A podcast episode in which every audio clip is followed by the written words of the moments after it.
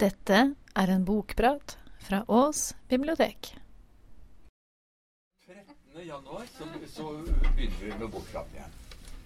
Uh, det vi kommer til å ta for oss nå, det er kremen av uh, årets barn- og ungdomsbøker.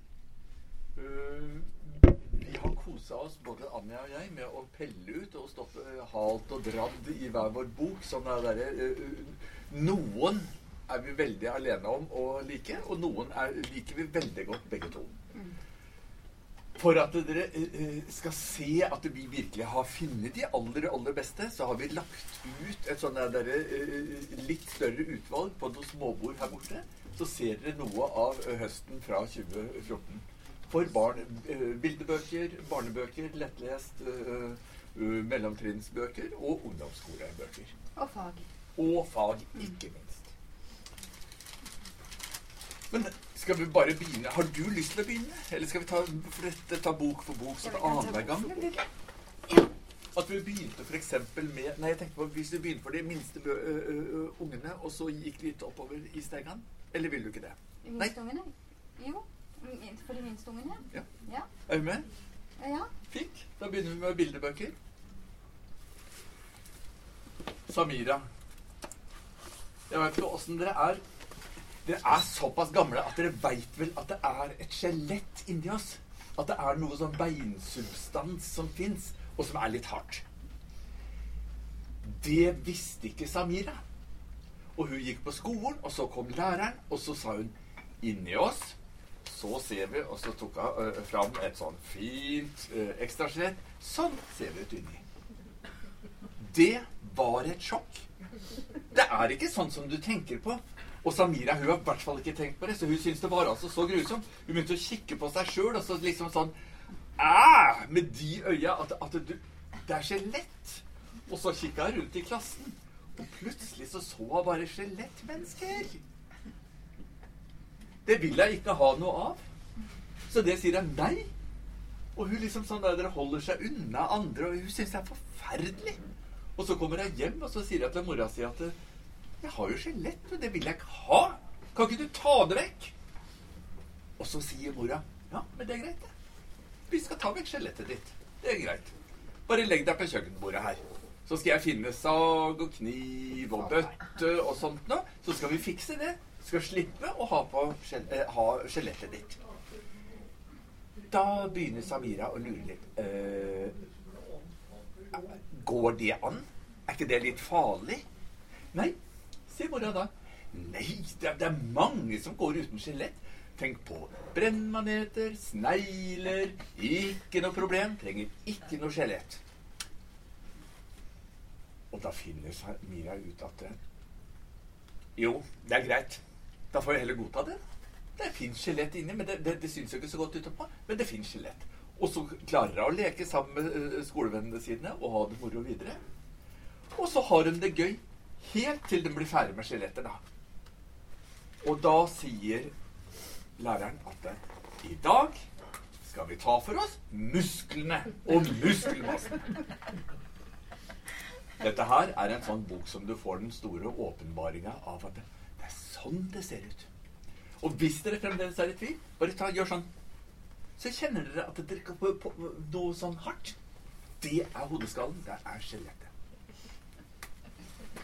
Ja, denne boken den heter Hysj, vi har en plan.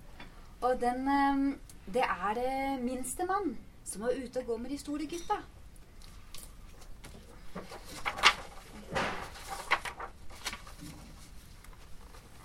Se en fugl. Hei, fuglen. Hysj, vi har en plan. Stille på tå, stille på tå. Stoppe nå. Klar, ferdig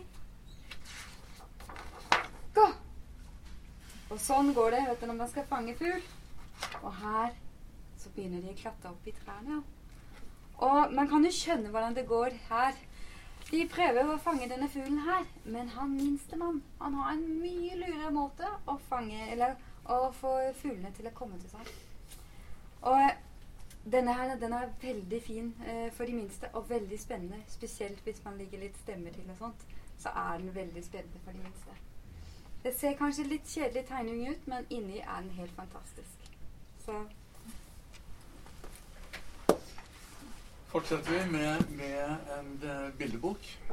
De fleste av oss drømmer, og de fleste erkjenner at de drømmer. Og til og med noen klarer å huske hva de har drømt. Jeg hadde uh, en sånn virkelig midt i feiteste hippietida, så tenkte jeg at ah, nå skal jeg finne virkelig de dypeste årsakene og, og greiene i sjela mi. Da må jeg huske drømmer.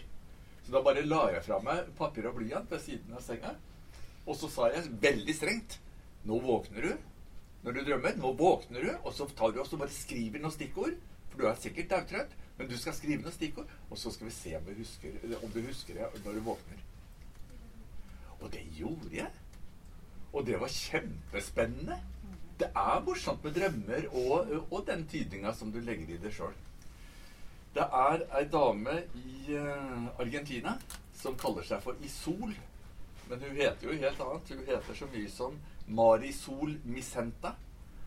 Hun er vel opprinnelig illustratør, og så begynte hun å skrive bøker. Hun er verdenskjent. Hun fikk ikke Nobelprisen, for det pleier ingen barne- og ungdomsbokforfattere å få. Men hun fikk Alma-prisen. Og Alma-prisen, gitt ut i Sverige, er til minne om Astrid Lindgren, og, og, er på linje også med Nobelprisen i litteratur. For bare uh, delt ut til uh, barne- og ungdomsbokforfattere, illustratører. Hun fant på en lur idé. Hun, hun tenkte at uh, nå, skal, nå, skal, jeg gi folk drømmeoppgaver. Og så tar hun, og så tegner hun forskjellige drømmer som folk kan Oppskrifter, som hun kaller det. Drømmen til døra som ikke må åpnes. Og så tegner hun da døra som ikke kan åpnes. Men så lager hun i Jeg vet ikke hva det heter engang. Det er noe sånn der selvlysende greier som ikke syns på det bildet der. Men hvis du setter det under skarpt lys i fem minutter, eller kanskje ikke så lenge engang, og så slukker lyset, så trår det andre bildet fram. Dette kan du prøve og, og, på kvelden. Uh, godt sjøl, eller du kan gi det bort til unger. Så kan de oppleve noe akkurat rett før de sovner.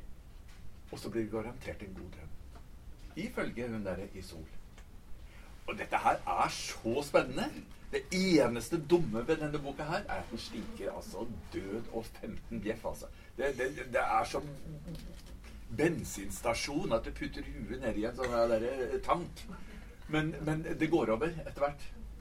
Og veldig spennende. På denne siden er det en flott, flott hval som lyser opp. Den er helt nydelig. Svær som bare det. Vi prøvde å ta noen sånne der bilder, men vi fikk det ikke til.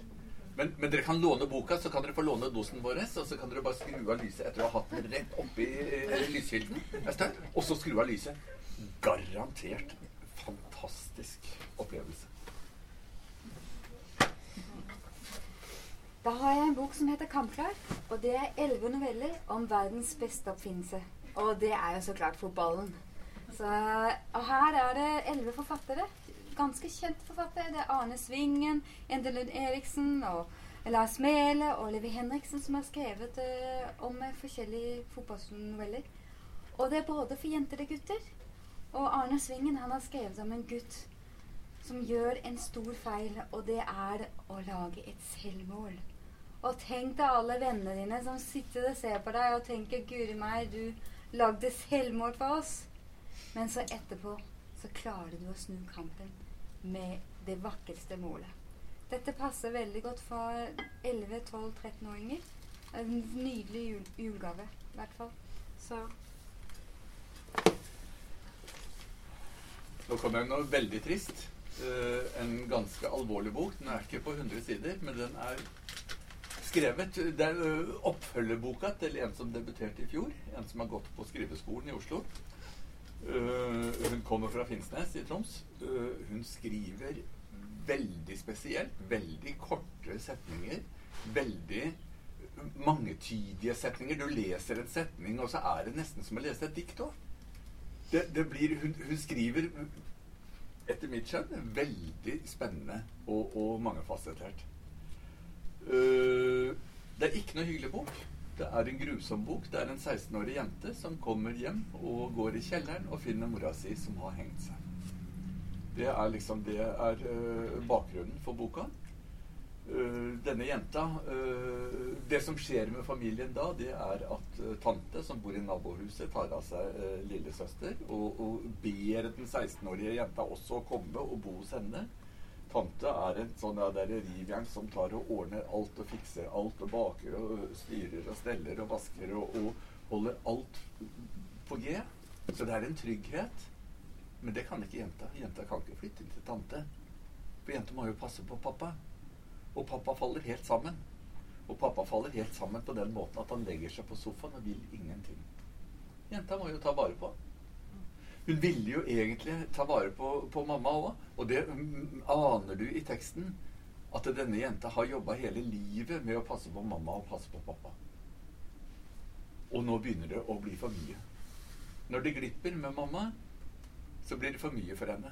Hun blir sendt til psykolog, men hva i all verden kan en psykolog si det? Og vet han? Ingenting. Hun har 16 år med ganske sterke livserfaringer. Jeg syns boka er optimistisk. Det er det som er så rart. For at den er så mørk, den er så dyster, den er så grusom i alt som skjer.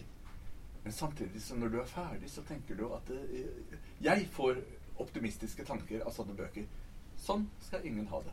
Dette må vi ordne med. Dette må vi hjelpe til med. Vi veit om et barnevern som ikke fungerer. Det må, det må vi trå til og hjelpe til med. Ingen unger skal ha det sånn. Ja, da har jeg en eh, bok som heter 'Gutten på trekassen'. Og den er skrevet av Lian Leisen. Og dette er en eh, bok om livet til Lian Leisen. Eh, han eh, levde under annen verdenskrig, og dette er i Polen, eh, hvor Lian Leisen er født. Og han har vokst opp med sine foreldre og sine to brødre. Og um, faren hans var en sånn maskinreparatør. Og han var ekspert på spesielle maskiner den gangen. Og derfor hørte Oskar Schindler om dette. Og Oskar Schindler han ga faren en jobb på fabrikken hans. Eh, hvor faren klarte å gi den ene storebroren til Leon eh, jobba, men den andre jobba som elektriker. Og her er det bare mammaen og Leon som er igjen i gettoen. Og da har jeg lyst til å lese litt. Sent i oktober 1942 fikk Kindle høre om nyheten om enda en transportering.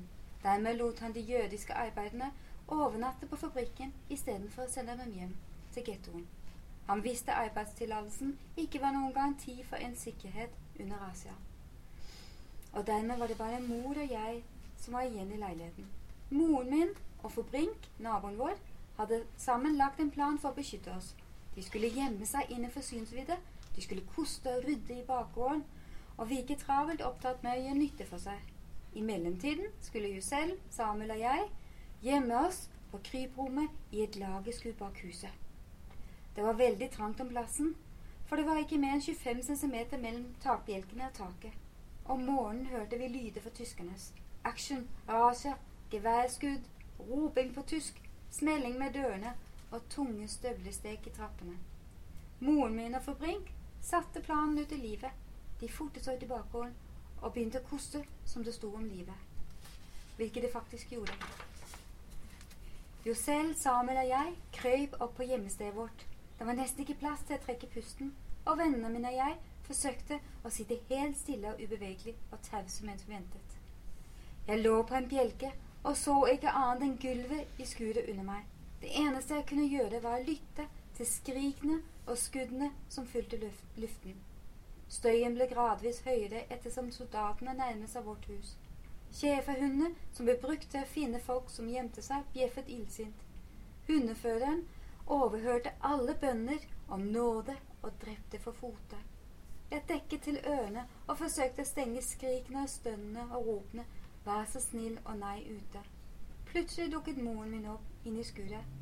Hun hadde tenkt å gi oss en tekann med vann før hun gikk ut i bakgården igjen.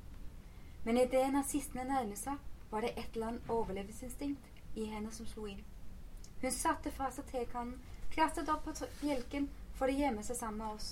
Vi presset oss til sammen og ba om at vi ikke skulle bli oppdaget. Så gikk en skrekkelig erkjennelse opp for oss. Alle sammen stirret ned i gulvet. I hastverk med å gjemme seg hadde moren min etterlatt en tekanne rett eh, unna oss. Hvis nazistene kom inn i skuret og fikk øye på den og fattet mistanke, ville de garantert kikke opp og oppdage oss. Vi lå urørlig i lang, lang tid. Etter mange timer tok skrikene slutt. Vi hørte et eller annet skuddsmell, men det ble lenge, lenge men hver gang. Det virket som om vi hadde unnsluppet det verste for denne gangen, men vi våget ikke røre oss. Da mørket vokste frem, hørte vi en mannsstemme i bakgården som sa Nå er det trygt. Dere kan komme ut nå. Blikket mitt møtte morens blikk.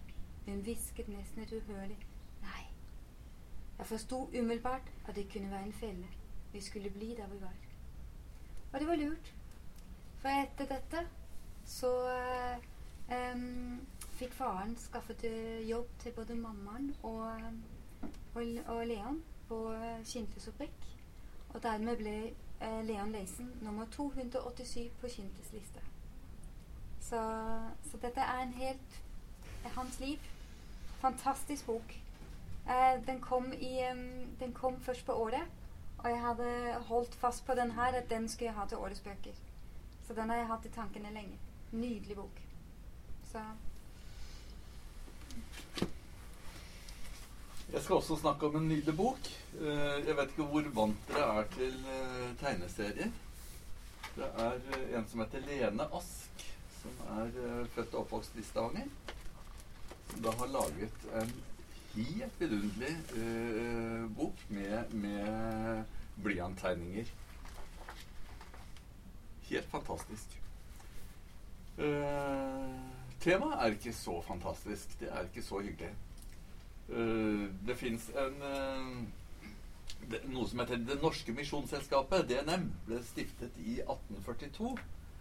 Og de startet en egen skole ved siden av å sende ut misjonærer. Og uh, de ga ut et misjonstidende Misjonstidene-blad. Og dette har vært veldig viktig for veldig mange mennesker, spesielt på kysten. Og, og du har det såkalte bibelbeltet. Du har Sørlandet, du har Vestlandet, du har Nord-Norge. Veldig mange mennesker fulgte med på disse her og kjente misjonærene ved navn og, og, og, og, fikk nyheter om dem gjennom dette her bladet. Problemet for misjonærene det var jo hva gjør vi med ungene? Hvor skal de være? Skal de være med? Får de lov til å være med? Det var ikke alle steder hvor de godtok at misjonærene kom med ungene sine. Um, det som skjedde, var at ungene ble plassert på et uh, barnehjem som uh, Misjonsselskapet uh, kjøpte og satte i stand i Stavanger. Som de kalte typisk nok for Solbakken. Solbakken var nok ikke sola som reiste seg for veldig mange unger. Det var ganske stritt, og det var perioder misjonærene var ute for så og så lang tid. I hvert fall fireårsperioder, kanskje lenger. I denne boka så tar Lene Ask for seg en brevveksling som var mellom en sønn som bodde på det barnehjemmet, og faren hans, som var da misjonær i Afrika. De så hverandre ikke fra han var åtte til han ble 18. Det vil altså si ti år. Hvilket forhold får du? Hva, hva, hva skjer med mennesker? Både med foreldrene som er ute, og med ungene, som da helt klart ikke trives. Som har det grusomt. Lene Ask er utrolig flink med illustrasjoner og legger så mange føringer i tegningene sine, sånn at du virkelig blir veldig berørt av historien til Richard. Richard og søsknene Han hadde to søsken som også bodde på Solbakken.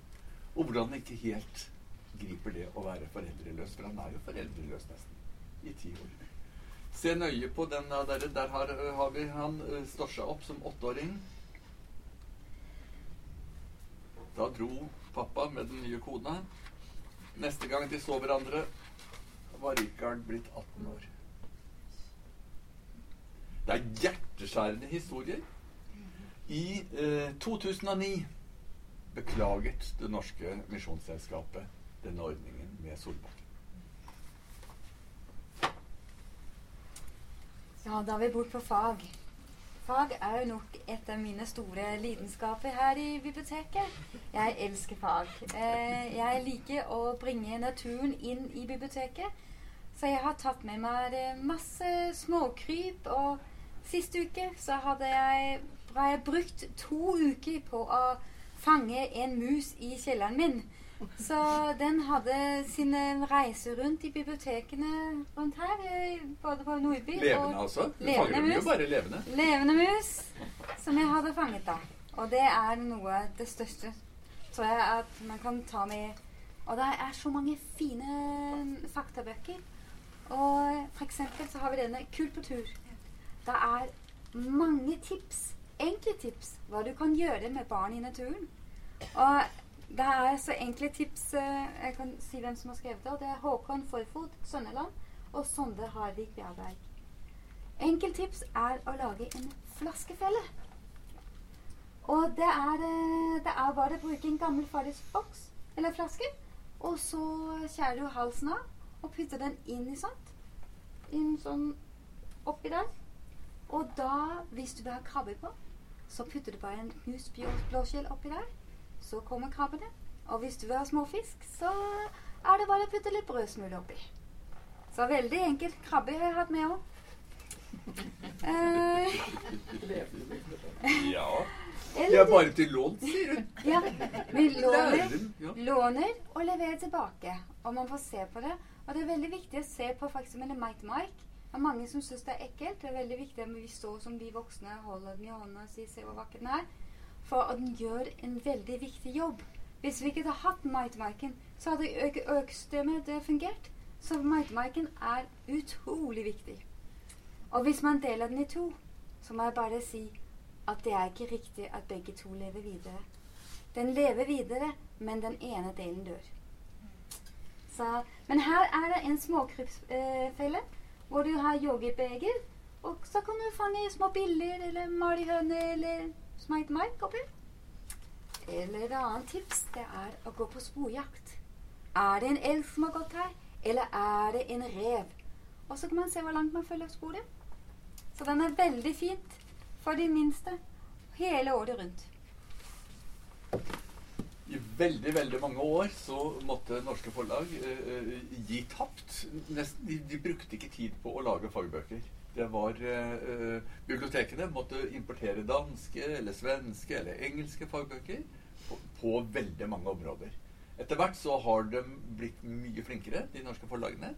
Og øh, det er noe som heter Norsk øh, barnebokinstitutt i, i øh, Oslo, som utdanner forfattere. Og bl.a. fagbokforfattere. Nå er Ås så heldig at vi har en skole som heter Solberg skole. Og på den skolen så er det en som heter Synnøve Borge, som har, øh, er naturfaglærer. Har jobba der lenge. Uh, hun er et lite under å komme utfor. Det er så morsomt å høre på henne og, og oppleve både natur og andre ting sammen med henne. Og så jeg, fikk jeg fader utdanne meg plass på den skolen. Og så uh, smelta i vei, og så fikk jeg uh, antatt ei bok. Og hun tar Dette her er da Den heter Brunlangøre.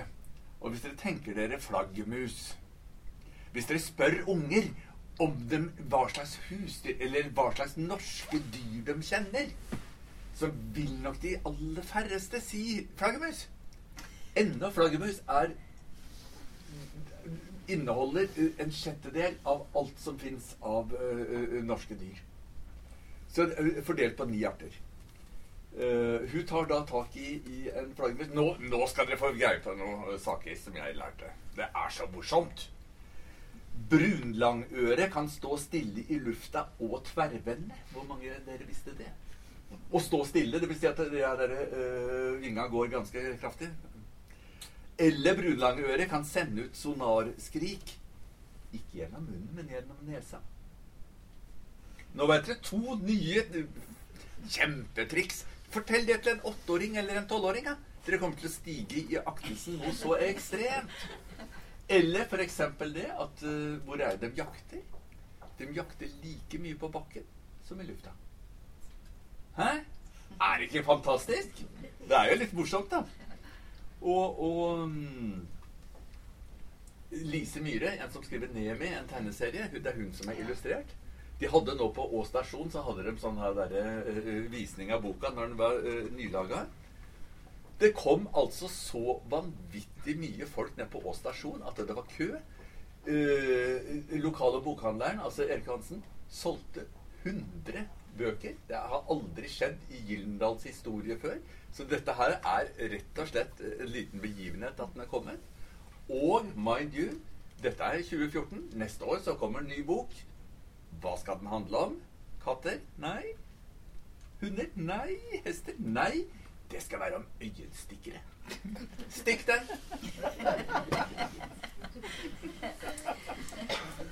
Da var jeg med den mest fantastiske boken som er utgitt i år, føler jeg. Og den hadde vi kamp om. Og denne heter Animalium, og det er 'Bli med inn i dyrenes verden'. Og den er skrevet av Katie Scott og Jenny Broom. Og dette er en opplevelsesbok som forteller om de fleste dyreartene i verden. Og for eksempel så De har nydelige bilder inni her. For eksempel har du livets tre. Fra vivelløse dyr til mennesket som er i dag. Og det er helt nydelige tegninger som er inni her. Og så er det små fakta om, eh, om de forskjellige dyr. For eksempel så har vi flyvende insekter. Og dette er en blå marmorstjert eh, Blå marmorsvalestjert. Og den har et vingespenn på 13 cm. Og nummer tre her, det er en døgnflue. Og den lever bare i én time. Og så har vi Det er en jordveps. Og jordveps de blir kan bli aggressive. Og hvis de eh, blir sinte, så sender du ut signal for å få hjelp. Og så har vi denne vakre her nede. Det er en svart veps. Den ser veldig vakker ut og snill ut, men den lammer byttet sitt. Og så drar den med under jordet og fôrer ungene sine. Men det er ikke bare insekter som er inni her. Det er også f.eks. flaggermus. Og her har vi en nydelig brunlangøre, som Alf snakka om, som bor her i Europa. Og den er, har en utrolig god hørsel. Så hvis det flyr en møll forbi, da er den der med det samme. Eller så har vi denne flyvehunden. Og den har vingespenn på 135 cm.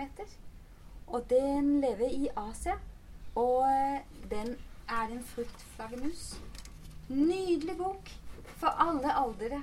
Dette er for både voksne og barn. Og man kan studere i evigheter. Helt fantastisk bok er dette. Så. Kanskje den vakreste av årets bøker. Ja, den vakreste. Den vakreste. Tre beskjeder. Nå skal, nå skal vi ta sånn skolete, sa jeg dere. Vi sa i starten 20. dag jul. Hvilken dato var det? 13. januar. Hva skjer da?